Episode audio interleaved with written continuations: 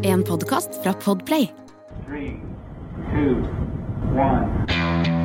When liftoff. One, two, three, four, five, five, four, three, two, one. Enter bed. Okay, we checked all four systems, and there you go on modulation, all four, and team with a go. Quality base here. The Eagle has landed. Dette er Romkapsel, som virkelig nå skal inn i en romkapsel. Eirik, hei. Hei, forresten. Ja. Jeg hadde bestemt meg for å være veldig sånn in medias res akkurat i åpningen her nå. Gå rett på sak, ikke noe tull. Her bare kjører vi på. For det som skjedde, var at plutselig så bare eksploderte innboksen vår eh, med en Det som til da hadde vært en utrolig godt skjult hemmelighet. Vel, men vet du hva, Nils Johan, her er en ting. Her har jeg forsømt meg litt, for vi hadde jo rett før jul en vår gjest eh, Maria, eh, Astro Maria Hammerstrøm, og hun sa dere må snakke med, men dere må snakke med Nima Shahinian, fordi han driver på med noe spennende. Å, herregud, så det jeg visste om stemmer! dette flere uker i forveien, så vi kunne ha breaka det før VG! Det stemmer! My bad! Mea culpa! Nei, men altså Også culpa kulpa her, altså. Fy faen. Nima, velkommen. Hei. Ja, forresten. Hei, hei, hei. hei, Du er her jo du òg, da. Jeg er eh, Tenk at jeg er her hos dere. Ja. I romkapsel, som jeg er så fan av. Det var så Ja, veldig hyggelig. Vi, da må vi jo bare si umiddelbart at vi er jo da åpenbart eh, fan av deg også.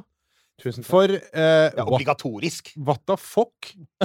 Ja, du, Jeg må bare si først og fremst, det er- er superkult at uh, Astro Maria vi har, vi har vært med i en podcast sammen også. En annen podcast. Så, så hun, hun er en av de som har kjent i dette prosjektet. Ja da, vi har, vi har flere planer med Astro Maria. Vi har annet noen dårlige filmer vi har lyst til å kommentere sammen. Så her skal det skje ting. Ja. Så her koker det. Men uansett, nå er det altså denne greia som da eksploderte i VG, mm. særlig. Og, og den som du sier, den dagen så bare raste det inn med meldinger og kommentarer. Og folk sa liksom 'Dere må snakke med han!' Og det var liksom alt mulig. Både vanlige fans og gamle skolekamerater. Det er alt mulig som sa Og pluss da diverse folk som sa og så sa han jeg abonnerer på Forsvarets forum, og her er det, her er det mye om han eh, forsvarsfyren. Så ja. Så her er vi. Ja. Og eh, la, la meg bare La meg bare begynne, da. Du, du kan fortelle sjøl litt om din bakgrunn. Vi, vi har etablert at du, du har vært i Forsvaret. Og så eh, bestemte du deg for at eh, jeg vil til verdensrommet.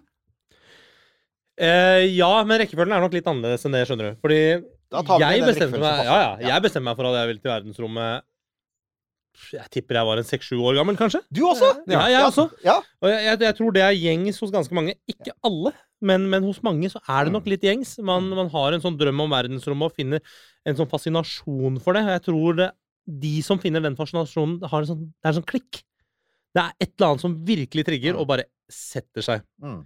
Og så er det en ganske uoppnåelig drøm. Så selv som barn så, så fortsetter man å ha drømmen, men man begynner å drømme om andre ting. Og jeg er, jeg er en sånn person som i voksen alder driver og realiserer alle mine barndomsdrømmer. Jeg driver og bygger verdens raskeste rattkjelke, eksempel, i disse dager, som skal gå i 300 km i timen. Det er også en sånn barndomsdrøm. Ah, Back the truck up. 300 km i timen. Jeg er fysiker. How? Åh, Hva- det er en lang historie. Men okay. det er en egen podkast. Ok, det er en egen podkast. Ja. Da får jeg heller ta den. Ja, det er lang Ja, for i tillegg til å være, være si, forsvarsveteran, da, kan Ja. man si det, Mm. uh, og så er du da det vi fant ut var ASCAN. Ja. Ascan, beste forkortelsen i verden. Ja, vi kommer nærmere inn på det siden.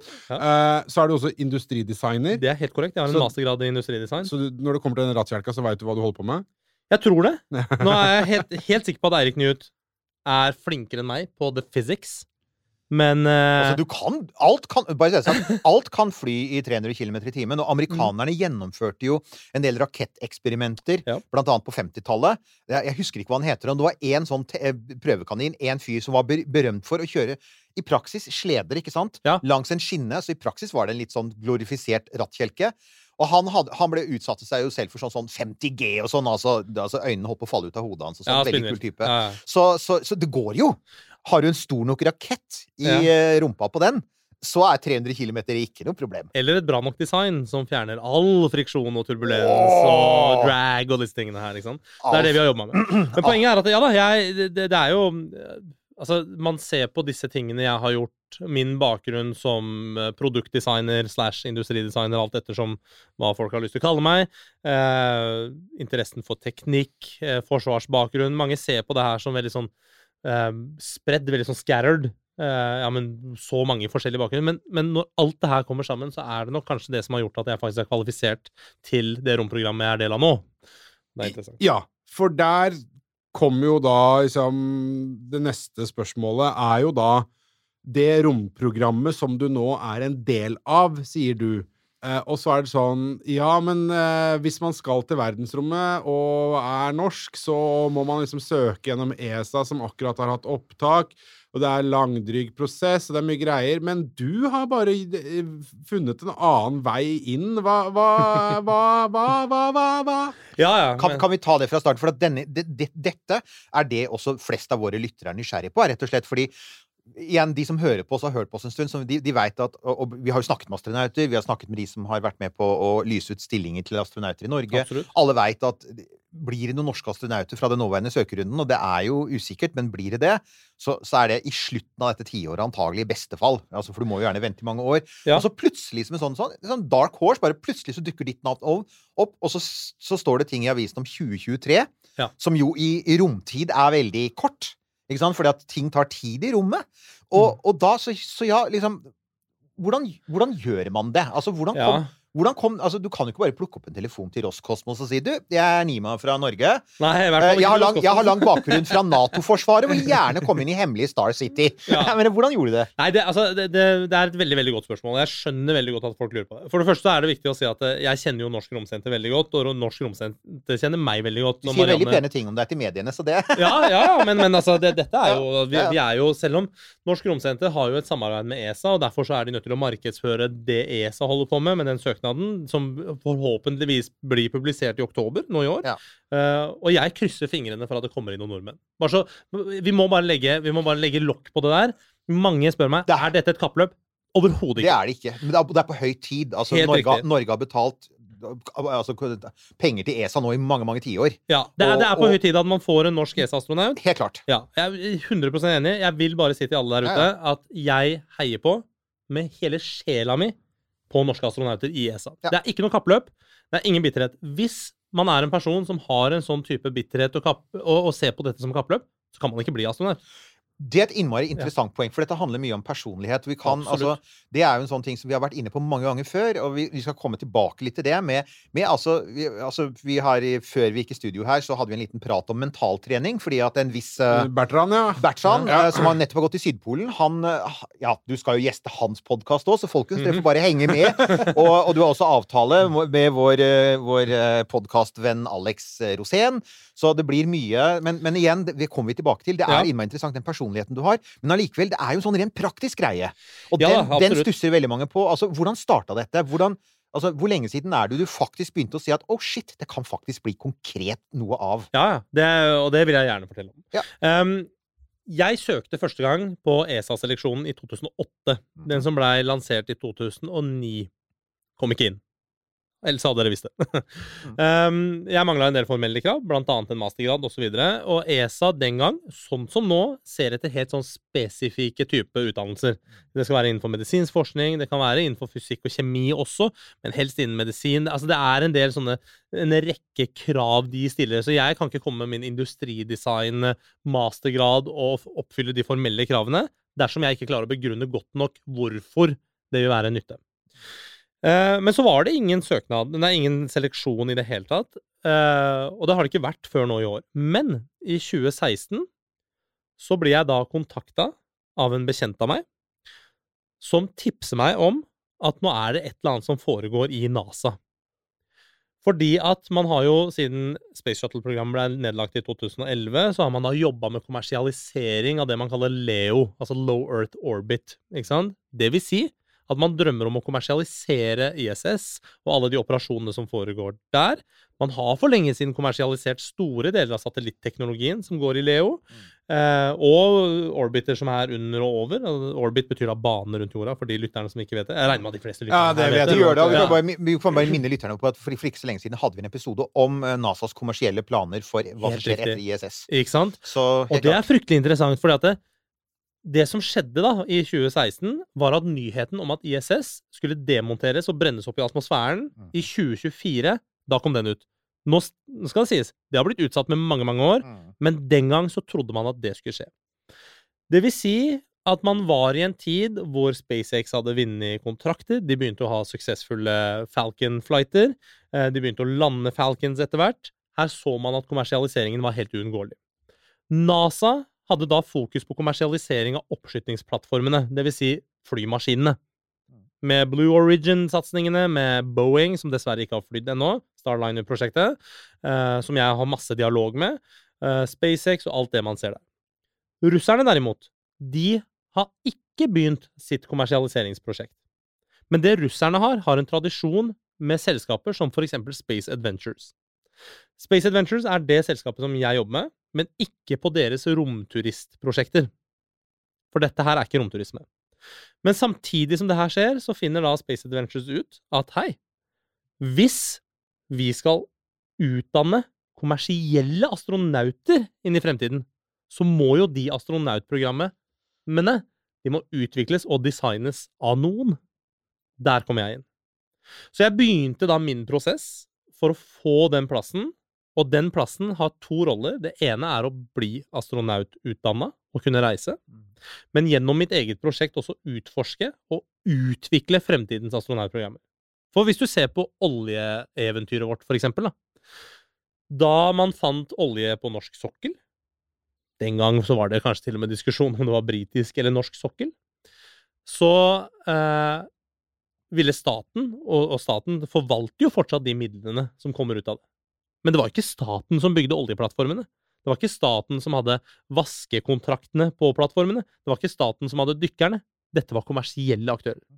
Så det russerne nå jobber med, sammen med annet Space Adventures og mange andre selskaper som er involvert i det konsortiet som jeg, jeg driver og jobber med nå, det er nettopp å satse på å finne ut og utvikle hvordan man selekterer og utdanner neste generasjon astronauter. Det er et sånn type program jeg er del av nå, hvilket betyr at jeg eh, både har en utviklingsjobb, så vel som jobben å holde meg kvalifisert og utdanne meg og reise.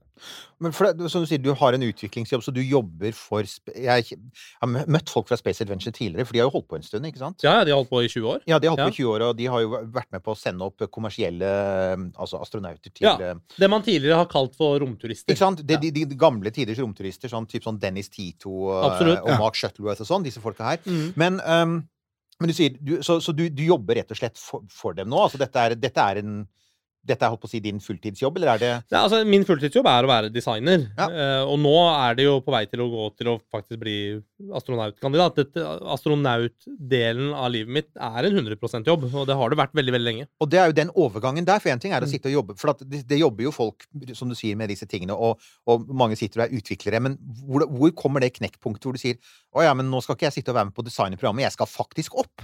Ja, Og, og, og hvordan, liksom, hvordan slo det inn? Var det du som tok det initiativet, eller var det noen som sa til deg har du vurdert å Nei, det, det, det var litt av premissene. Fordi, fordi, fordi at man ønsket å ha den personen som utvikler og leder dette her, ønsket man at også skulle ha den kommer, altså, kommersielle astronautrollen. Så, så jeg er mitt eget eksperiment i det prosjektet jeg selv leder. Mm. Gir det mening?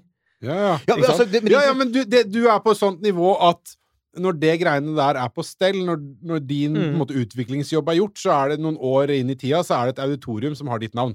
ja, altså, liksom- jeg, jeg, altså, jeg syns er også det er kjempekult av en annen grunn, og det er at vi har snakket med veldig mange folk fra rombransjen de siste gjennom 100 episoder, ikke sant? Ja. Og, og jeg, har, jeg har aldri hørt noe lignende, så jeg syns jo dette er kjempeinteressant. Fordi Det er det er, det er, altså, og dette var jo noe som da ikke kommer fram i en typisk VG-saken, for det er klart det er kortformat.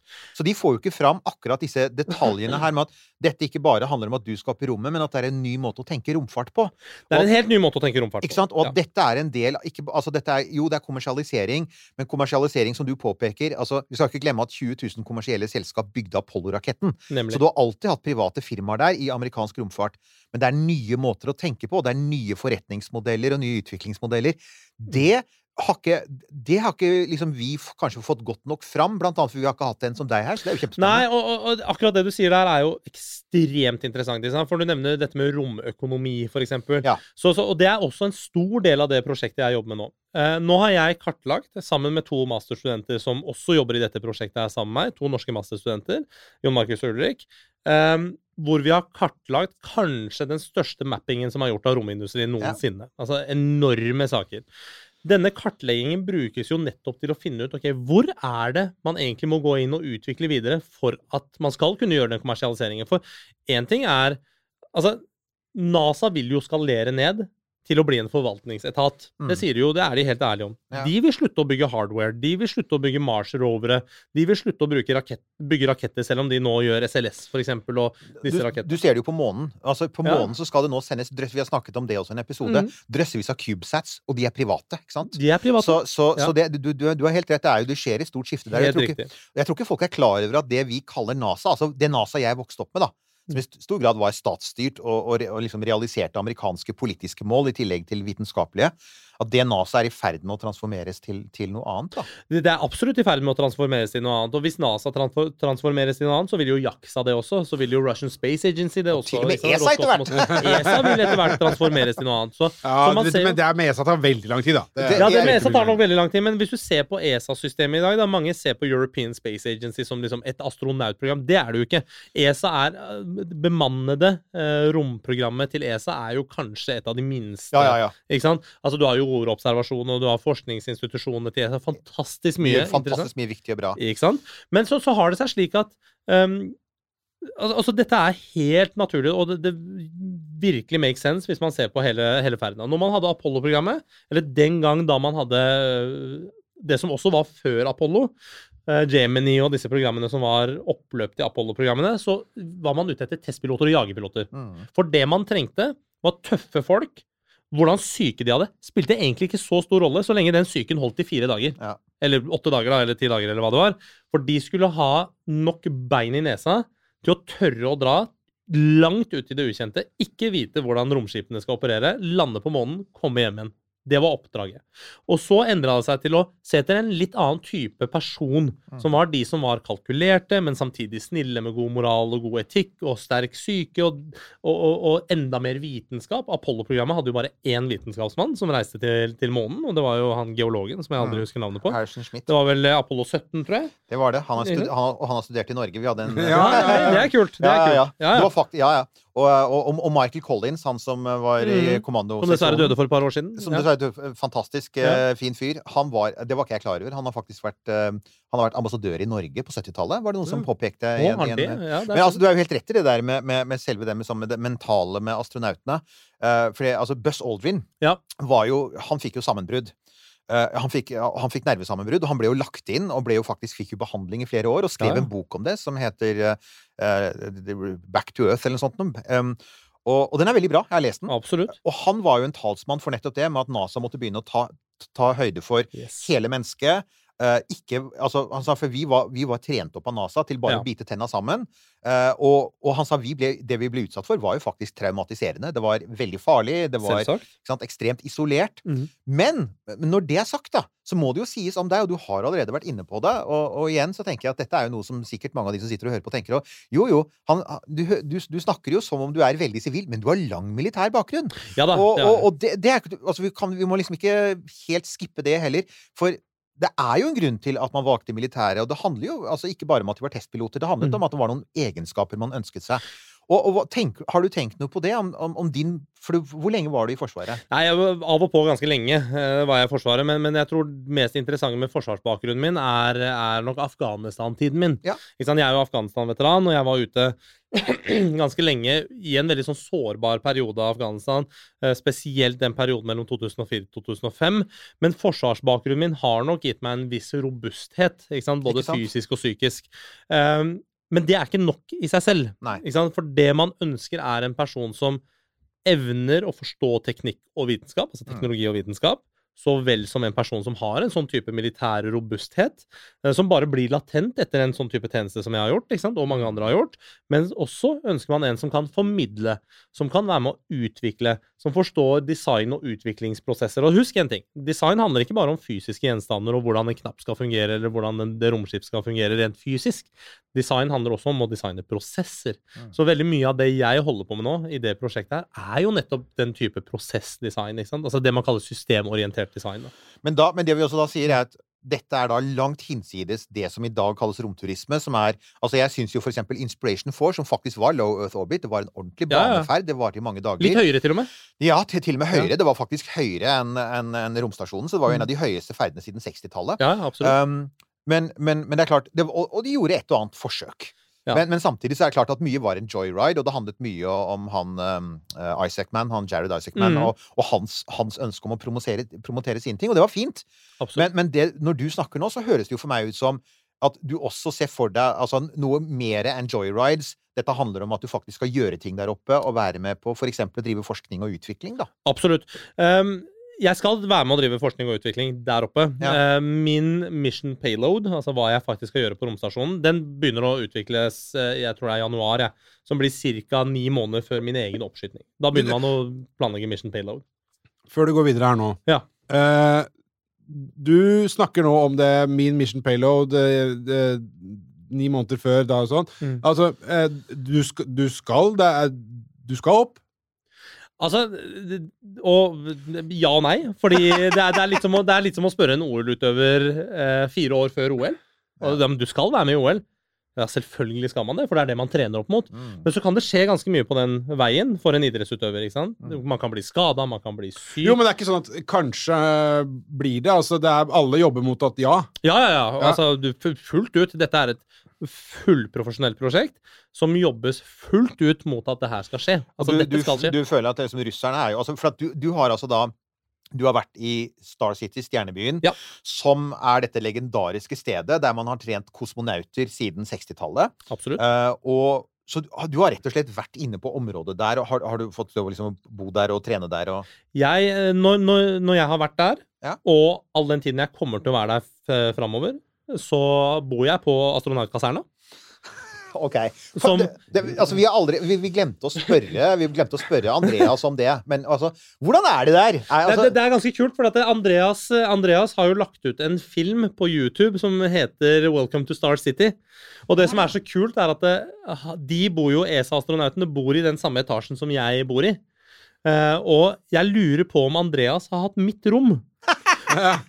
For jeg, vet at, jeg vet at eh, jeg har jo hatt med en, en fotograf fra NRK, eh, Jan Kenneth Diesen, som fantastisk fotograf. Eh, som, som da, NRK har jo da sikra seg rettighetene til å følge dette løpet. Det sikra de seg for to år siden. Så, okay. så det har vært veldig mye hemmelighold her i to år. Men, men han hadde da rommet til Kristoffetti. Um, eh, jeg husker ikke hva hun heter. det. Eh, italienske astronauten som eh, nå skal ut igjen. Mhm. Men poenget er at eh, jeg bor på astronautkaserna, inne på astronautrommene. Jeg trener på de samme stedene, jeg går i de samme uniformene. Jeg spiser på astronautkantina, som by the way er den beste camp-kantina jeg noensinne har vært innom. Så, så, så jo da, jeg, når jeg er der, så er jeg på jobb. Jeg er på jobb som en ass-can og, og trener med mine instruk instruktører som jeg har bygd ekstremt tette, sterke bånd til. Som altså, hvor langt er du kommet? Altså, var du, jeg, du sier at du allerede har gjort, begynt å gjøre litt trening. Så Jeg har gjort ganske du- mye allerede, men jeg har, jeg har gjennomført det man kaller for liksom basic training. Basic training er, Hvis du ser på det i f.eks. For forsvarssammenheng, så har man da rekruttskolen. Rekruttskolen handler om ok, du har gått gjennom sesjon, og du har blitt godkjent medisinsk og psykisk og alt det her til å faktisk begynne. Du har kvalifisert til å begynne.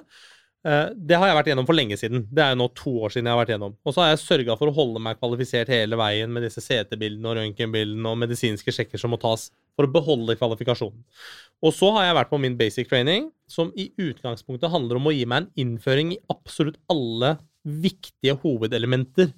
Eh, Sentrifugetrening, romkapseltrening eh, i Soyuz, romdrakttrening i såkalt romdrakt, lære seg systemer på Orland, som er da den store bamsen av en romdrakt.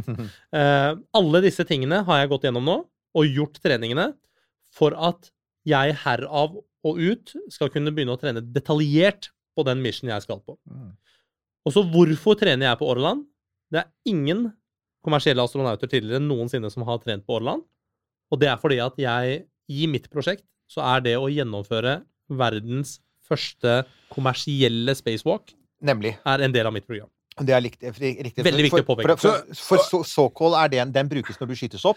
Så er- ja, Ikke sant? Og den, den er, den er, den er altså Meningen med den er at den skal være, du skal være beskyttet under oppskytning. helt riktig. Og Orland er det som kosmonauter på ISS for eksempel, bruker når de romvandrer, ikke sant? Helt korrekt. Da, er legendarisk. kan jeg bare få lov til å si Ja. det? Romvandrer. Da skal man ut av eh, romstasjonen. Man skal sveve rundt i verdensrommet. Det Og så det skal du også gjøre. Ja, det skal ja. også. Og det er, ikke, det er ikke alle astronauter som drar opp til ISS, som, som er de får gleden av å gjøre det. Det er de færreste. Det er helt riktig. Faktisk. Det er, det er Ja. helt riktig. Men Og- kan jeg bare, kan jeg bare eh, Nå har du fyk, føket gjennom noe greier her. Jeg må bare, jeg må bare si det her at uh, første, Da jeg sendte melding til deg, første meldinga jeg sendte til deg Ja. uh, Bare en, en liten sånn tip of the hat til uh, min venn Espen, som kjenner deg, og som var sånn at vi kom i kontakt med deg. Da skriver du altså her um, først av alt, beklager så mye for at jeg svarer så sent. Har vært i sentrifugetrening og debrief i Star City hele dag. Jeg regner med at det er en valid grunn til sen respons. Det er sånn, eh, som jeg skrev, ja. All aktivitet eh, i Star City er valid grunn til sen respons. Ja. Men man, bare ha man, det man, sagt. altså, Så du har testa sentrifugen? Jeg har testa den som heter CF18, Big Blue, som er verdens største sentrifuge. Ok, Hva, hva betyr det for, for oss som ikke har gjort det? Sentrifugemaskin er, det er en ganske interessant affære. fordi eh, Hvis du søker liksom, centrifuge training på, på YouTube, så ser du masse folk med rare ansikter som svimmer av. Mm. Okay? Og det er også sentrifuge. Men måten man trener på sentrifuge til romfart, det handler ikke om å bare utsette seg selv for maksimalt med G-krefter. La oss forklare hva sentrifuge er. Det er en maskin med en kapsel som man sitter inni, og så snurrer den rundt og rundt.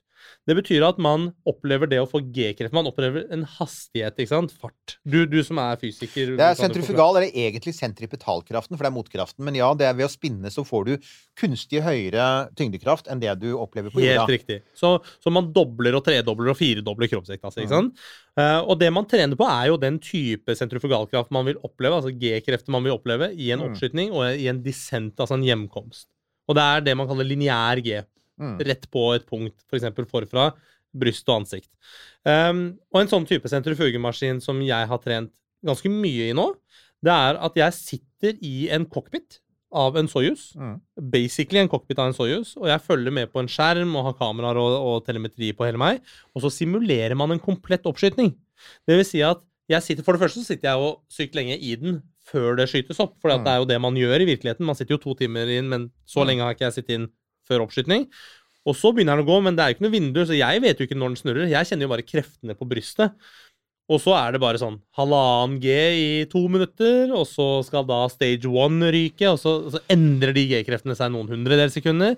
Og så er man i disse forskjellige intervallene i oppskytningen, og så, kommer, og så sier de plutselig Welcome, you are in space. Ja. og det, Og da er det ikke noe G-krefter.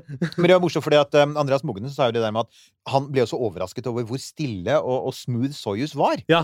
Fordi at han, han, hadde jo, han hadde jo snakket mye med, med, med romferjeastronauter, for han var jo egentlig forberedt på å reise opp med romferja. Ja, ja. Og den var jo et beist! ja, ja. Den var jo brølte jo og rista som bare Ja. det, ikke sant? Sånn, så det var vanskelig å fokusere på skjermen. Chris så, Hatfield beskriver Space Shuttle-ferd som et, å være et løvblad i en orkan.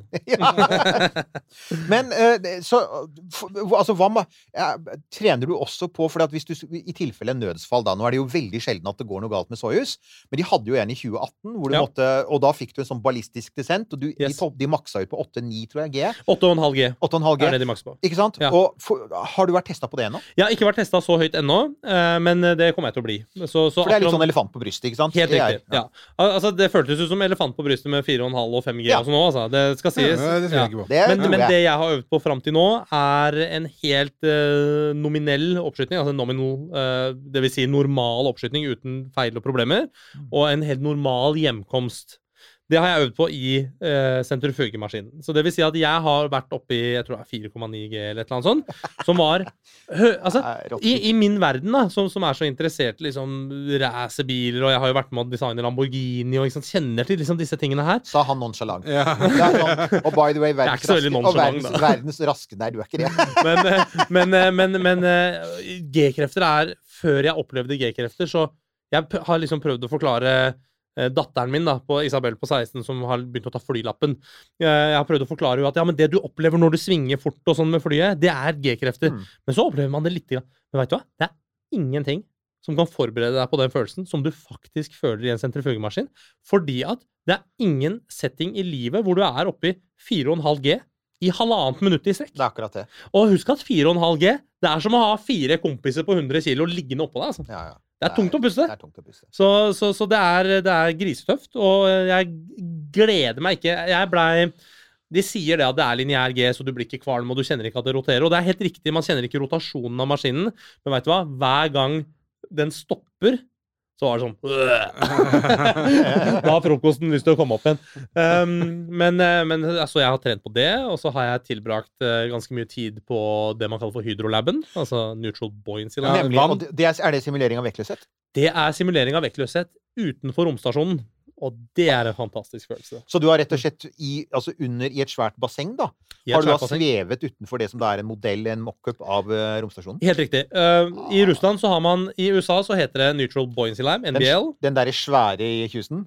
Som, svære alle, i Houston. som alle driver og Den ser jo også det er et av verdens dypeste basseng. Jeg Det det, er ser, verdens det ser så skummelt ut! Herregud, jeg får noia av sånn dyp, dypt vann. Det er Ja, ja, den, er, den, er, den i Houston er helt spinnvill. Eh, det er to sånne typer bassenger i verden. Det er den i Houston, og så er det den eh, i eh, Star City. Men så har ESA har også en basseng, men det er en mye mer analog basseng. Så der dykker man ikke med en romdrakt, man har vanlig dykkeutstyr. Okay. Men da kan man gjøre litt sånn basic things. Men den i Star City er da nest størst, for det er jo bare de to. Okay. men den er ganske svær. Og der har de en komplett mockup av det russiske segmentet. Og deler av det amerikanske. Så, så der har jeg vært i bassenget med en Orland romdrakt, som i seg selv er en sinnssyk opplevelse, mener jeg. For meg er jo det Det å ha kommet et sted hvor jeg kan liksom åpne bakluka på den, og så krabbe inn i den Vi kommer til det. Vi skal snakke litt om Orla nå. da skal jeg ikke gå så dypt inn på det nå. Poenget da, er at eh, i, det som er så kult med det bassenget, er at det er ikke som å hoppe ut i vannet på, i Kragerø på sommeren og bade og tenke 'Å, nå er jeg vektløs'. For det du gjør, er å balansere deg. De sørger for å gi deg en balanse, så du verken flyter eller synker, men også en balanse som er distribuert i så måte på kroppen din at når du beveger på deg, så vil du rotere rundt i alle aksjer på samme måte som du ville gjort i vektløshet. Okay. Det vil si at det er den nærmeste simuleringen av vektløshet man kommer. Og der har jeg gjort en jobb. Da er jeg fire-fem timer i den drakta og jobber under vann. Og svetter bort halvannen liter. Før vi gikk i studio, så nevnte du noe om at du hadde vært i Mars-gravitasjon. Ja, det er um, eh, Hvordan simulerer man det i så fall? Det er, Ja, det er ganske kult. fordi at um, I Star City så har de jo to spacewalk-simulatorer. Det er den som er hydrolaben, som er i vann. Og så har man den de kaller for dryland-trainingen, som er et, Jeg husker ikke hva den heter. eh, Selvfølgelig en, en forkortelse av et eller annet. Men, eh, men der henger man i vaiere. Så man henger i vaiere, og de vaierne er ekstremt avanserte. Det er sånne vinsjer som flytter seg rundt i hele rommet. Og der kan de simulere full eh, altså, jordgravitasjon. Det vil du helst ikke i en Orland, for den veier 200 kg. Og så kan du ha, få månegravitasjon, som er en sjettedel, og så får du Mars-gravitasjon, som er litt nærmere jorden. da.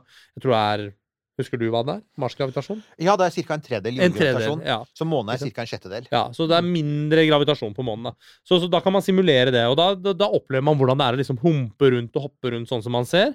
Men de kan også uh, simulere det man kaller for zero G, som er da ISS-type i fall, da, ikke sant? Som, som jeg har øvd mest på. Den dryland-trainingen den bruker man til å lære seg hvordan airlocken åpnes, eh, men også venne seg til selve Orland-drakta. Eh, ingress, for eksempel, hvordan man kommer seg inn i den, hvordan man krabber ut av den, hvordan man kobler på telemetri og systemer, for alt det her må man kunne gjøre sjøl. Så det er rett og slett en tørrtrening man må gjennom. Da. Den har jeg også tilbrakt ganske mye tid i. Så, Ja, du, men når du, snakker, når du snakker ganske mye tid i det, ganske mye tid der, eh, hvor mye Hvor mange ganger og hvor lenge har du da vært og gjort dette her i Star City? Nei, nå har ikke jeg tellinga på mange ganger. Nei, altså, jeg hadde min første treningsuke hadde jeg jo nå for halvannen uke siden. Okay, ja. ja. da, så, så, så alle de andre gangene så har vært fysiske tester og sånn. Ja. Men, men trainingen har vært nå. Men når jeg sier ganske mye tid, så betyr det eh, eksempel i Neutral Buoyancy Laben så har jeg tilbrakt ja, fem timer under vann. Og en del timer over vann, for man har jo fit check. ikke sant? Jeg har ikke tellinga på mange ganger jeg har krabba inn og ut av disse draktene. For, for det, er ikke, det er ikke sånn at du bare møter opp på Star City, og så krabber du inn i en sånn drakt, og så hopper du ut i vannet. Det er jo Disse øvelsene planlegges jo i mange måneder i forveien. Og de simulerer er, Jeg har aldri i mitt liv vært borti proffere opplegg enn de har i Star City. Det må jeg bare si. De instruktørene er verdens beste instruktører. Dette kommer fra en forsvarsmann, hvor det å være instruktør er en liksom stor stolthet. Men maken til, til dette her har jeg aldri opplevd. Det de gjør, er å simulere helt ekte mission. Jeg fikk eksempel ikke lov til å bruke Det er en sånn karabinsystem i verktøybeltet Mhm. som jeg ikke fikk lov til å bruke fordi at den de har på ISS, har blitt ødelagt. Og da må det speile det vi gjør på ISS. Ah. Så selv om den jeg hadde på meg, den var helt fin, den. Men fordi at de har fått beskjed om at den på ISS er ødelagt, og de rekker ikke å erstatte den før jeg er ferdig med treningsuka mi, sånn er det, for det er ikke noen flights på vei opp dit nå, så får ikke jeg lov til å bruke den heller. Jeg skal simulere akkurat de, eh, det miljøet man har der oppe. Mm. Og det er ganske interessant. Det er kjempeinteressant, og det er jo ikke bare en sikkerhetsgreie, men det handler jo også om kostnad. ikke sant? For dette er jo tross alt, hvis, hvis du tenker på det som et sånt forskningslaboratorium, Ja. så er det jo verdens dyreste. Altså hvert minutt du er der oppe, er jo ekstremt kostbart Ja. øh, å, å, å ha en astronaut oppe på ISS. sånn at at hvis, hvis du skulle brukt noe tid på å si ah, nei, den funker ikke, nei, da må Ja. jeg lære meg Du, kan, du har ikke tid til det. Nei, absolutt Ikke ikke. Og det er jo det som det, igjen, når vi har snakket med de som har vært der oppe også, altså at alt er jo styrt. Tima og tilrettelagt. Ja, til minutter. Ja, ja. Ja da. Ja, ja, absolutt. Så, så det, det, er, det er klart at, um, det er klart at uh, når man kommer dit, så bare det å forberede til én sånn uh, Hydrolab-oppdrag Involvert mellom 30 og 50 stykker on ground. uh, fullstendig kontroll uh, på absolutt alt. Medisinsk personell til stede, instruktører. Dykkere. Ikke sant? Det er et eller annet sted mellom syv og ti dykkere i vannet med meg. Så, så det, det, er jo ikke, det er ikke noe man bare Man møter ikke opp på jobb på en torsdag og tenker å, i dag er det litt rolig. Kanskje vi skulle tatt romdrakta på en liten tur i vannet. Det er ikke helt sånn det funker. 1202. Og så var det jo, Du har jo stadig kommet tilbake til, til romdrakten. Orlan. altså Du har Sokol og Orlan, og de russiske romdraktene er oppkalt etter rovfugler. så vidt jeg husker. Rovfugler, ja. Sokol er, eh, Sokol er oppkalt etter falk, og Orlan er eh, havørn. Ah. Ja. Og, og sagt at Dette er jo legendariske romdrakter, og disse romdraktene som er i bruk, har jo vært i bruk lenge. Og, og vi har jo faktisk en god stund planlagt å ha en egen episode om romdrakter. fordi mm. i løpet av 110 episoder så har vi aldri snakket om det, og romdrakter er noe som Ja, du får ikke gjort noe rom uten. Og så sitter vi her med en, en som faktisk er litt ekspert på romdrakter. så det vi har tenkt å gjøre, er rett og slett å lage en egen episode om romdrakt, hvor du er gjest. Mm. Så det blir den neste episoden. Gleder meg. Så da bare sier vi at du har også brukt du har vært, Vi skal snakke mer om Orlan og det å bruke romdrakt i en egen episode, for det er så utrolig kult! Det gleder jeg meg til. Romdrakt special coming soon. Romdrakt special coming soon to a podcast near you. Så, men i mellomtiden, da, så er det Vi har jo glemt å si dette her med at du må jo selvfølgelig også gjennom medisinske tester, mann. Å ja, ja, ja. Ja, ja, og, og jeg tør ikke å tenke på alle de stedene de har vært hos deg. Du har vært everywhere. Everywhere. Ja, jeg kan bare si med, altså, Medisinske tester er Jeg besto mine første medisinske tester i 2016, og så har jeg tatt nye og nye.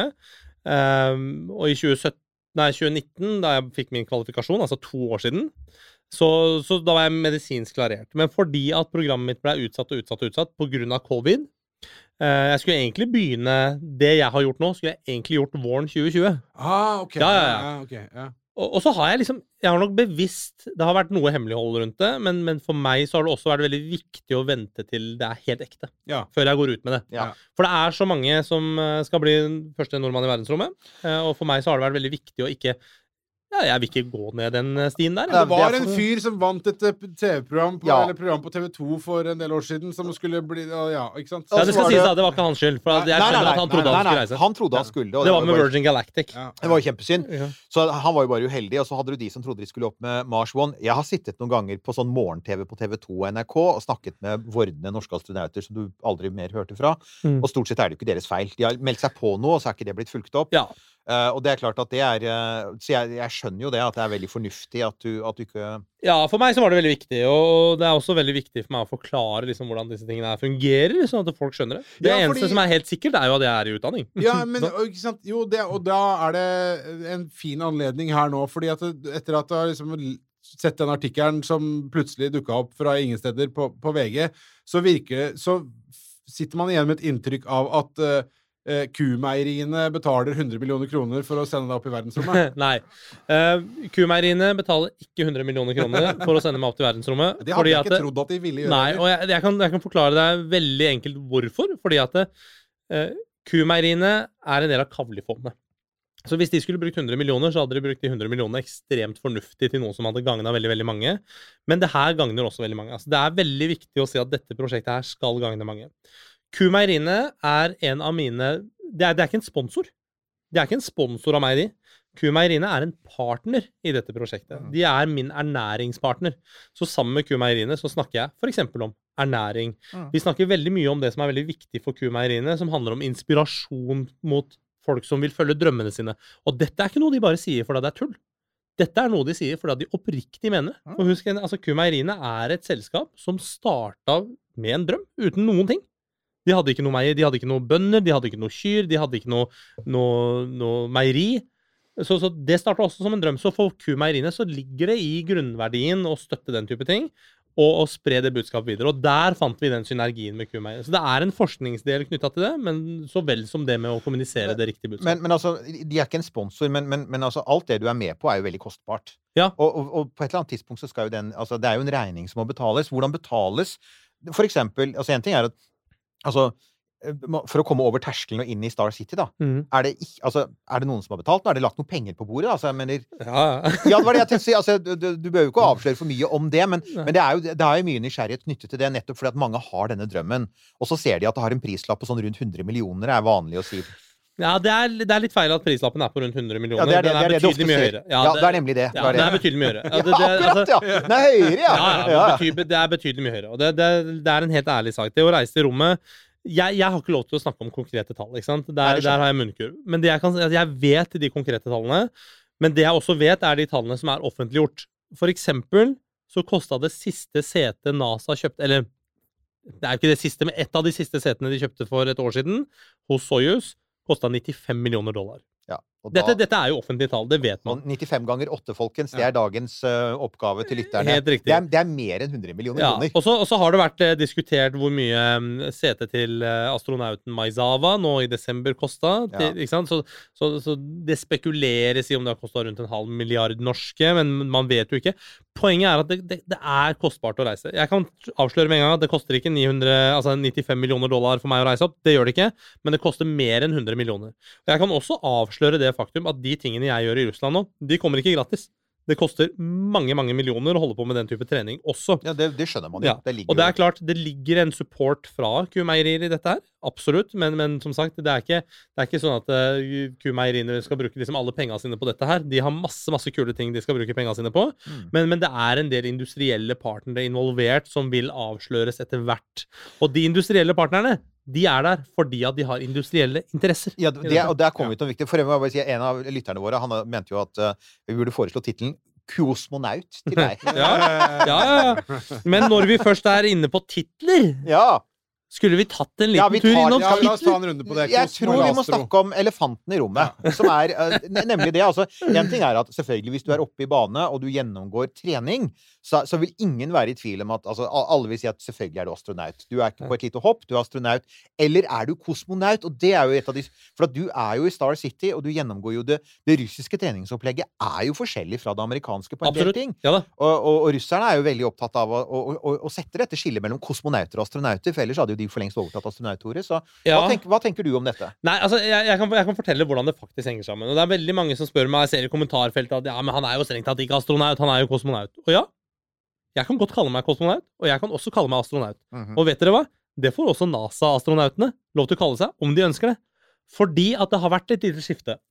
Da konkurransen var som størst mellom Sovjet og USA, altså det, det velkjente kappløpet vi kjenner til, Mhm.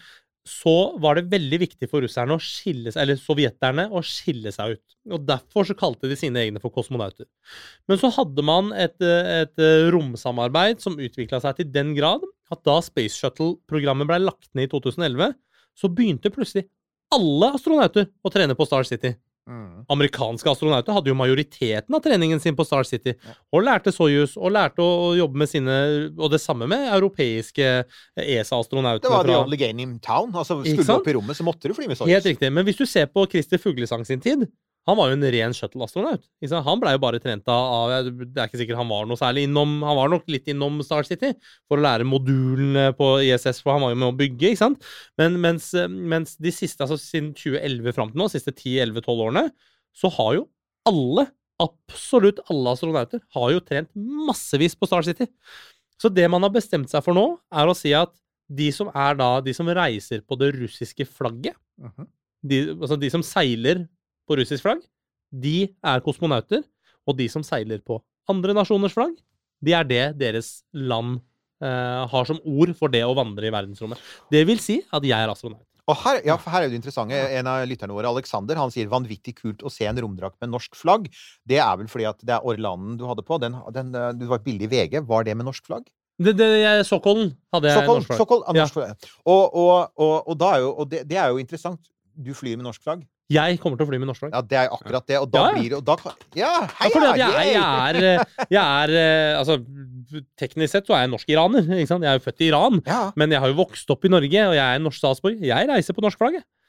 Jeg reiser 100% på norsk flagg, Ja, og derfor, derfor så kan vi legge den diskusjonen død. Jeg er astronaut. Men så er det altså Og du snakker da om at du skal Ja, men dette, dette er, så, så er det dette, som du sier, at du, du skal gjøre ting i ISS um, for altså for norske samarbeidspartnere, f.eks., og som også og så sier det det vil da i så fall bli forskning, du skal eventuelt ut i rommet og vandre. Eh, men så er jo det som også da enkelte her har vært opptatt av, eh, og en av, det, en av våre lyttere, Bjørn, han sier det, eh, dette med det mentale ved treningen, og ikke minst hva det gjør med deg. Han er opptatt av det overview-effekt, denne berømte med at når du er oppe i rommet, så ser du planeten som en helhet, du får et annet syn på verden. Og det er jo interessant, da. Altså, ja, jeg hører jo at du, du har lyst til å reise opp i rommet, og du har lyst til å reise opp i rommet for å blant annet samarbeide med en del norske bedrifter. Men hva tenker du for deg selv? Altså, Hva tror du dette kommer til å gjøre for deg personlig å, å reise opp i rommet? Har du for eksempel tenkt at dette vil ta livet ditt i en ny retning? Er det, er det space fra nå av, eller vil du bruke space-erfaringene dine i en annen kapasitet? Jeg hører jo for eksempel at du er veldig god til å prate, så det er ganske innlysende at det kan bli foredrag av dette her. Det skjønner jeg jo. Ja, det tror jeg. Ja, liksom Ja. sånn inspirasjonsforedrag. Og du, vi snakket jo om eh, Bernhard her, ikke sant? Altså, så, sånn, dette med motivasjon og inspirasjon. Hva tenker du selv at dette her kommer til å bety for deg, da? Nei, altså, eh, jeg har jo selvfølgelig tenkt masse, masse på dette her. Eh, Jeg tror nok jeg alltid kommer til å ha designeren Ganske, designeren kommer til å ha en stor plass i hjertet mitt, så jeg kommer alltid til å ha på meg utviklingshatten. Eh, Men jeg håper jo at det blir innenfor romfart, sant? så jeg håper at astronaut Altså både utdanningen min La oss si i verste fall, om det her ikke blir noe av, så har jeg fortsatt masse erfaring med romdrakter, og jeg får en helt unik innsikt som jeg aldri ellers ville fått uten å være del av det programmet. Og hvis jeg får reist, så sier det seg selv at den erfaringen er helt unik. Så, så jeg er veldig opptatt av å formidle det. Formidle budskapet på en riktig måte. Jeg er veldig opptatt av at romfart skal begynne å snakke det språket de fleste skjønner. Som jeg syns dere er sykt flinke til å gjøre her i podkasten, by the way. Men, men det er veldig mange som ikke har vært særlig flinke til det. Det er veldig mange Ja. som ikke har vært særlig flinke til å snakke realfag. Det er ikke rart at kids syns realfag er døvt, fordi at veldig mange har snakka det komplisert. Du har helt rett. og det er, det er akkurat det. Altså, jeg har sett effekten som Christer Fuglesang har på svenske ungdommer. Jeg har vært i Sverige og sett han, han, den, den rockestjernerollen han har, og hva det betyr. Sverige har jo allerede et mye sterkere industri- og teknologimiljø enn Norge har. Veldig. Og sånn apropos hva vi skal gjøre etter oljen. Altså, så jeg har jo, Et av hovedargumentene for meg har alltid vært at jeg vet hva en astronaut som har vært i rommet, kan bety for interessen for det amerikanere kaller STEM-fag, science technology osv. Uh, ja, det, det skjønner Og det er, den største, det er den største kapitalen vi har. Den største kapitalen vi har, er jo nettopp den kunnskapen for fremtiden og, og kidsa våre. Og det er ikke noe, noe man bare sier for at det er klisjé, men det er sant. Men så er det den andre den kule tingen her, det med at Mm. du har denne litt sånn udde bakgrunnen. For igjen, Mhm. det er veldig mange folk som har sånn pilot, ingeniør, naturviter-bakgrunn. Eh, og vi, vi hadde jo Gaute Einevold, som var den som som er en av de i Norge som har kommet nærmest å bli Ja, ja, ja. Men altså, Mm. Gaute er jo, han er jo professor i nevrologi. Han er, han er på. Ås, han nå, er han ikke? Han er på oss, ikke sant? Og. Gaute er jo kjempekul. Men han, han er også veldig typisk for den klassiske, det du liksom forventer skal bli den første norske astronauten. Altså Ja. en solid forskerbakgrunn, og gjerne med noe som har veldig sånn tung kompetanse på et felt som ESA er opptatt av. Men så, altså, så hvis det da blir deg, da, så er jo det så utrolig kult, for at du har denne andre bakgrunnen. Sånn, liksom, Industridesigner, Forsvaret. Og hvem hadde trodd, hvis vi liksom tenker sånn tilbake, til gode gamle sånn Erik Tandberg-tiden. Den første nordmann i rommet. Med, med støtte fra kumeieriene. ja, og det er Meieribransjen sender Ja. folk opp. Ja, jeg er fascinert. men, men det, det, det, er ganske, det er ganske kult, for at jeg, jeg var og spiste en middag med Aleksander Misurkin, som er da også en velkjent uh, kosmonaut med lang erfaring. Han har også vært sjef på ISS. Spiste middag med han er forrige torsdag eller et eller annet sånt. Ja, og det var jo det, var, det, det her er ikke bare skryt. Det er litt skryt. det er litt name, han vet du, har lov å name-droppe. Det er lov å Han name-droppe. er superkul. Så jeg var, også, jeg var og spiste en middag med han og kona hans uh, på torsdag kveld. Da hadde jeg vært i Neutral Buoyancy Lab, altså i Hydrolaben, og det var så deilig å bare snakke med noen som kunne liksom dele sine erfaringer med. Han har masse spacewalk sjøl. Og han har også et samarbeid med russiske uh, equivalent til ku. Ja. Så, så det virker som meieri... Meieribransjen, altså. De Ja. har det på det. Ja. Nei da, men, men altså, meieribransjen er for, for meg så har ku vært en veldig veldig sånn naturlig samarbeidspartner. fordi at eh, vi snakker om ernæring, og vi snakker om liksom hvordan Den dagen man skal begynne å ha med meieriprodukter til verdensrommet, som man ikke har hatt tradisjoner for å ha fram til nå, men f.eks. ernæringsyoghurter og sånn Eh, unnskyld, det er interessant. Har man ikke det? Nei, Det man har, ikke, man, har, man har noen uh, frysetørka ting, men det man ønsker å gjøre, da, er når man reiser lenger, så må man ha bedre råvarer. Man trenger sunnere råvarer og kalsiumholdige råvarer. Så det vil si, melk, for eksempel, har ikke, man har ikke hatt fersk melk på ISS fordi at man ikke har hatt noe kjøleskap. Men det har man fått nå. Så nå har man mulighet til å ha litt ferskere produkter, på samme måte som man sender fersk frukt innimellom. eller, eller den der melken du kan få i Sør-Europa, hvor du går i et spansk supermarked og ser at denne melken ble jo tappet eh, tre, tre år før. ja. Ja, ja. Hyperpasteurisert! Ja, ja. Og så, så har den utløpsdato tre år fra nå, til og med. Ja, ja, ja. Den, Men, men, men OK, vet du hva? Eh, nå må vi bare stoppe opp eh, bitte litt grann her. Fordi eh, jeg sitter her nå med en sånn usedvanlig surrealistisk følelse i kroppen. Eh, og det går på Det surrealistiske er at vi sitter her og snakker med deg om det greiene du holder på med. Eh, som er så Altså, for det første så er jo du en gavepakke til alle som eh, er interessert i dette her, uh, og, og måten du snakker på. Men på den annen side så tenker jeg at uh, Stopper du noen gang opp og, og tenker at shit, her er jeg? Oppi, oppi Ja. de greiene her. Nå- altså det apparatet apparatet som du snakker om, som du på en måte er focal point of. Men vet du hva, Det går litt tilbake på det der, dere, og faktisk dette med overview-effekt. For jeg har jo ikke opplevd overview-effekten ennå.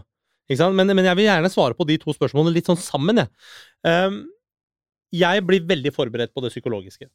Veldig veldig forberedt på det psykologiske. Det, det, det, jeg har blitt testa på det. Om og om og om igjen, for å se om jeg takler det. Får jeg bare si før du går videre? Dette spørsmålet nevnte vi for fem minutter siden. Han plukka det opp. Jo da. Ja. Jeg er veldig imponert. Jeg hadde glemt det. jeg. Nei Bare fortsett. Nei, man, man skal ikke glemme sånne ting. Men, men uh, jeg blir veldig testa på at jeg skal tåle det. Og hvordan jeg takler det, det vet jeg ikke. Jeg ønsker, helt oppriktig, og det her sier jeg fra hjertet, at dette her hadde jeg aldri klart å oppnå hvis det bare hadde vært overfladisk, og jeg hadde gjort det for at det er fett utstyr, f.eks. Her må man tro på det for å kunne gjøre det. Men når det kommer til ditt spørsmål nå, eh, så det er klart at når jeg går inn i den romdrakta, og de lukker den døra bak meg, og klunk, låser den igjen, Mm. og så ser jeg rundt meg gjennom det visiret, og så er det 50 stykker rundt meg som er der for å sørge for at jeg er trygg og fin og kan gjøre en god jobb, Mm. og opplever den profesjonaliteten. Selvfølgelig stopper jeg opp et øyeblikk og lukker en øya og tenker at dette er faktisk helt absurd. Ja. Dette er jeg så privilegert til å få lov til å gjøre. Bare det å få lov til å være her, ha sikkerhetsklarering, til å få lov til å være inne i de fasilitetene hvor Juri Gagarin trente Altså, det gir meg en sånn overøsende, dyptgående takknemlighetsfølelse som er helt umulig å beskrive. Mm.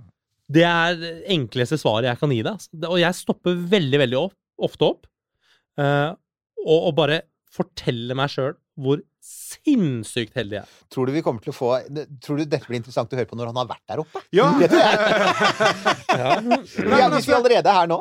Ja, altså, Men, men jeg, Nei, for jeg bare tok meg Det, det var sånn derre Det var noe et, det, det tegner seg et helt Det må jeg bare si til alle dere som ikke hører dette, og som bare har lest VG-artikkelen. Dere burde høre dette, for da får dere litt mer kjøtt på beina av den, eh, den, det den VG-artikkelen eh, gir. Mm. Eh, For, for dette her er så Dette er jo 100 absurd.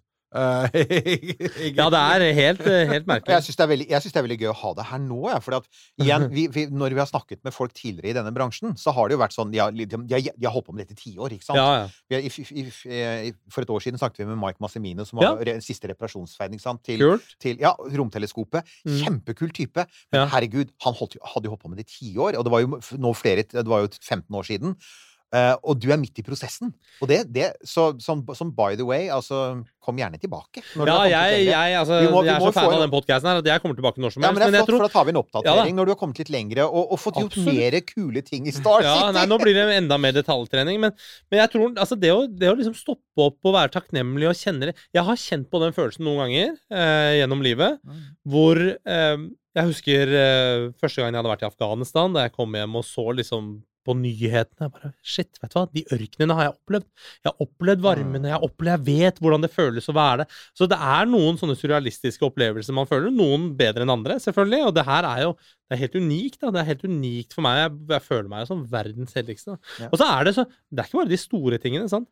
Før jeg reiste nå på treningscamp, så, så var jo den uka hvor det var liksom 25 000 smitt, koronasmittede i døgnet og sånn. Mm. Så, så da ble jeg jo bare kjørt rett inn i koronaisolasjon. Da satt jeg på Scandic på Vulkan, tre minutter fra familien min hjemme på Sankthanshaugen, eh, og bare kunne snakke med de på digitale kanaler osv. Kunne ikke være sammen med de i det hele tatt.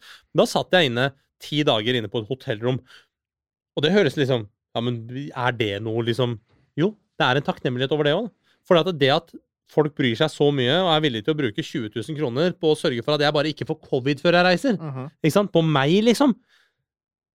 Man har et stort ansvar, da. Og det ansvaret akter jeg å bruke ganske fornuftig. En sånn liten eh, siste ting her, tenker jeg. For vi, eh, eh, vi, vi skal jo helt klart komme tilbake til, til det her med mer, og vi skal, vi skal straks videre og snakke litt om romdrakter til neste episode. Ja. Men det var det du har nevnt et par ganger, og det er at det er TV involvert. Ja. NRK kjø- kjøper seg inn. Ja, så er, altså, vi, altså, kommer folk til å kunne se deg i ikke altfor fjern fremtid gjøre disse tingene i Star City, og så faktisk Ja. For det er, det er veldig eh, Altså, vi elsker jo å høre på deg, men det er jo selvfølgelig noe eget med å se deg i eh, romdrakten under vann. Ja, altså jeg, jeg kommer til å oppdatere masse på mine egne sosiale medier. eh, Eller hovedsakelig Instagram, fordi at jeg har lyst til å holde visuelt. Designersjela i meg, ikke sant.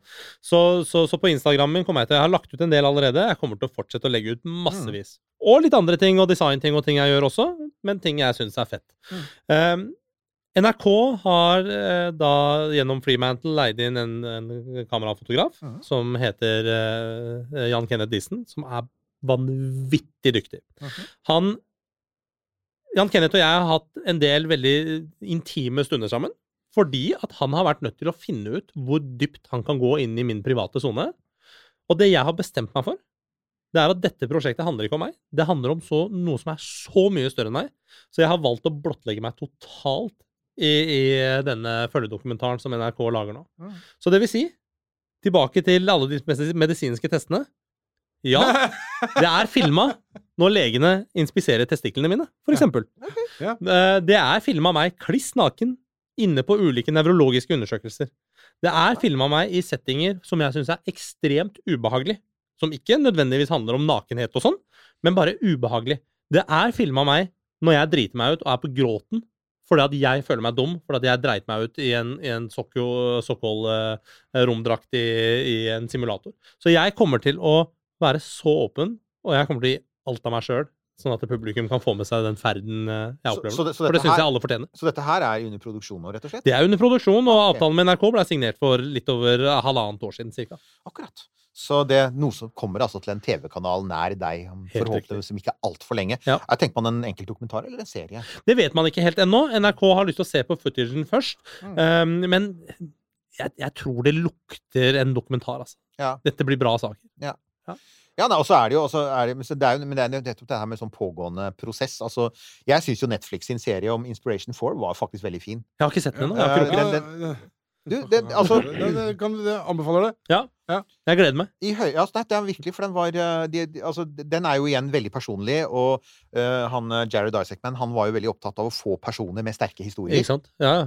Uh, og, og det får du jo. Så ja, nei, den er, det er jeg, jeg antar at NRK også har sett på den veldig nøye. Fordi ja. den eh, satte litt sånn ny standard for noe av det samme igjen med at vi har jo dette, det, det klassiske bildet av astronautene som disse her eh, sånn, sånn knallharde sånn stålkarene, ikke sant? Med gjerne militær bakgrunn, crew cut, ikke sant? Og, og de, de er alltid like tøffe. Uh, I eh, det, Du får jo faktisk i den Inspiration 4-serien blant annet hun, um, hun uh, unge som har hatt kreft, nå husker jeg ikke hva hun heter ja, igjen. Eh, hun- hun har et øyeblikk der hvor hun knekker sammen. ikke sant? Fordi Ja. at, og hun er, hun er jo veldig redd for å få et brudd, ikke sant? et beinbrudd. fordi at hun har jo hatt uh, behandling og slike ting. Og jeg syns det, det, det var noe av det beste. Ja. Det, Det er egentlig ganske fascinerende at jo, jo, så har du den, den episoden hvor de er i rommet. Og den er fin, og de er veldig sånn giddy, for de er jo tross alt, apropos overview-effekten, de satte jo på denne fantastiske kuppelen i nesa. Mm. Ja. Så at du hadde jo Uff! Å! Mhm. Herregud, mann, du skal på den der kuppelen i ISS. Ja, altså kuppola. Uh, Cupola! Å, Ja. Den italienske modulene. Å, den er så bra! Nei, altså, Det er jo, det, er jo er jo briljant. Det er jo et av de beste Det er noe av det smarteste de gjorde med å sette der oppe. Er. Ja, jeg tror det var veldig viktig også å få psyken til, eh, til astronautene, men, Ja. men eh, vel så mye å ha et, et showroom ut og vise verden, da. Så, så, så Et jeg tror man nok kan spille ukulele. Du kan spille ukulele. Chris Hatfield har jo spilt gitar i Ja, Cupola. Han har det. Så det ligger jo filmer uh, ut av det. Ja, du kan, du kan tenke litt, du kan planlegge litt. Få øver øve litt på blokkfløyte, Nima, og så Ja, ja, ja, så høre Lisa gikk til skolen Ja, ja. eh, derfra. Et eller annet gøy må jeg gjøre. faktisk. Ja, altså, og hvor mye privat er det du har lov til å ha, ha med deg opp igjen? Altså når du stopper? Nei, altså det, er, det, det diskuteres veldig. Den payloaden min endrer seg fra dag til dag. Hver gang jeg snakker med dem, så er det en ny payload-kilo. Uh, det kommer litt an på. For det, er, det er en mulighet for at jeg reiser med bare én annen. Uh, det vil si at da har man 95 kilo til man kan fylle opp Mhm. med, med forskningsting og sånn. Og så kommer det litt an på hvordan forskningspayloaden min ser ut når den begynner å utvikles. da.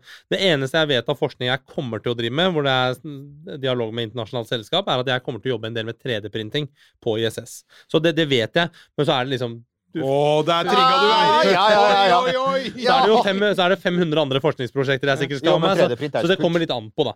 Men, men det er ikke sykt mye personlige gjenstander. da. Jeg skal ta med meg noen eh, gensere med logoer av ting som betyr ting for meg, betyr mye for meg og sånn. Og så har jeg en, en, jeg har ganske mange hjertesaker som, som jeg kommer til å eksempel antimobbekampanjer, kvinnekamp er noe jeg eh, brenner for. Eh, Jeg har jo en brystkreftsløyfe tatovert på hånda mi som er viktig for meg. Så, så jeg kommer til å bruke veldig mye av den payload-plassen jeg har til å ta med ting som, som eh, kan kommunisere disse tingene jeg brenner for. Da. Ja, Nils Johan. Ja, ja, nei, altså Skal vi bare si takk for denne gang, og så, så høres vi jo- vi igjen neste uke. Tusen takk uke. for at jeg fikk komme. Høres vi igjen neste uke, Nima. Ja, vi skal Eh, snakke litt mer da skal vi- detaljert. Da skal du være ekspert eh, på noe som eh, du faktisk eh, vet eh, sånn konkret noe om, men som, eh, som vi bare har lest om. Eh, romdrakter. Ja. Eh, neste uke på Romkapsel. Tusen takk for at du Ja, om enn litt sent etter eh, noe sentrifugetrening i Star City, men allikevel. Tusen takk for at jeg fikk komme. Jeg gleder meg til neste gang. Ja, ja, ja, ja. Og så får vi bare minne om da at vi selvfølgelig er på de vanlige stedene, Nils Johan. Vi er på Facebook, vi er på Twitter, vi er på Insta. Ja, øh, og romkapsel.no, gå inn der. Øh, der kan du kjøpe T-skjorte. Nå, er vi- nå er vi utsolgt for øh, XL-trøyer med romkapsellogo, men som vanlig så er eh, vår venn i Later Hater trykker opp nye når jeg ber han om å gjøre det. Eh, kopper har vi masse av. Uh, gå inn der. Uh, Vips, uh, Romkapsel Knut og Halvorsen. Og takk for nå. Nå må jeg puste litt, ass. Det må jeg jo. Du har hørt en podkast fra Podplay. En enklere måte å høre podkast på. Last ned appen Podplay, eller se podplay.no. Kiwi er billigst i VGs matbørs og har vært billigst i fire av de fem siste VGs matbørser. Og nå presser vi prisen på påskevarer fram til 1. april. På 522 gram Toro pannekakemiks presser vi prisen fra 42,90 helt ned til 34,90. På 410 gram Lerum bringebærsyltetøy presser vi prisen fra 32,90 helt ned til 22,90. For det er vi som er prispresserne. Og vi i Kiwi gir oss aldri på pris.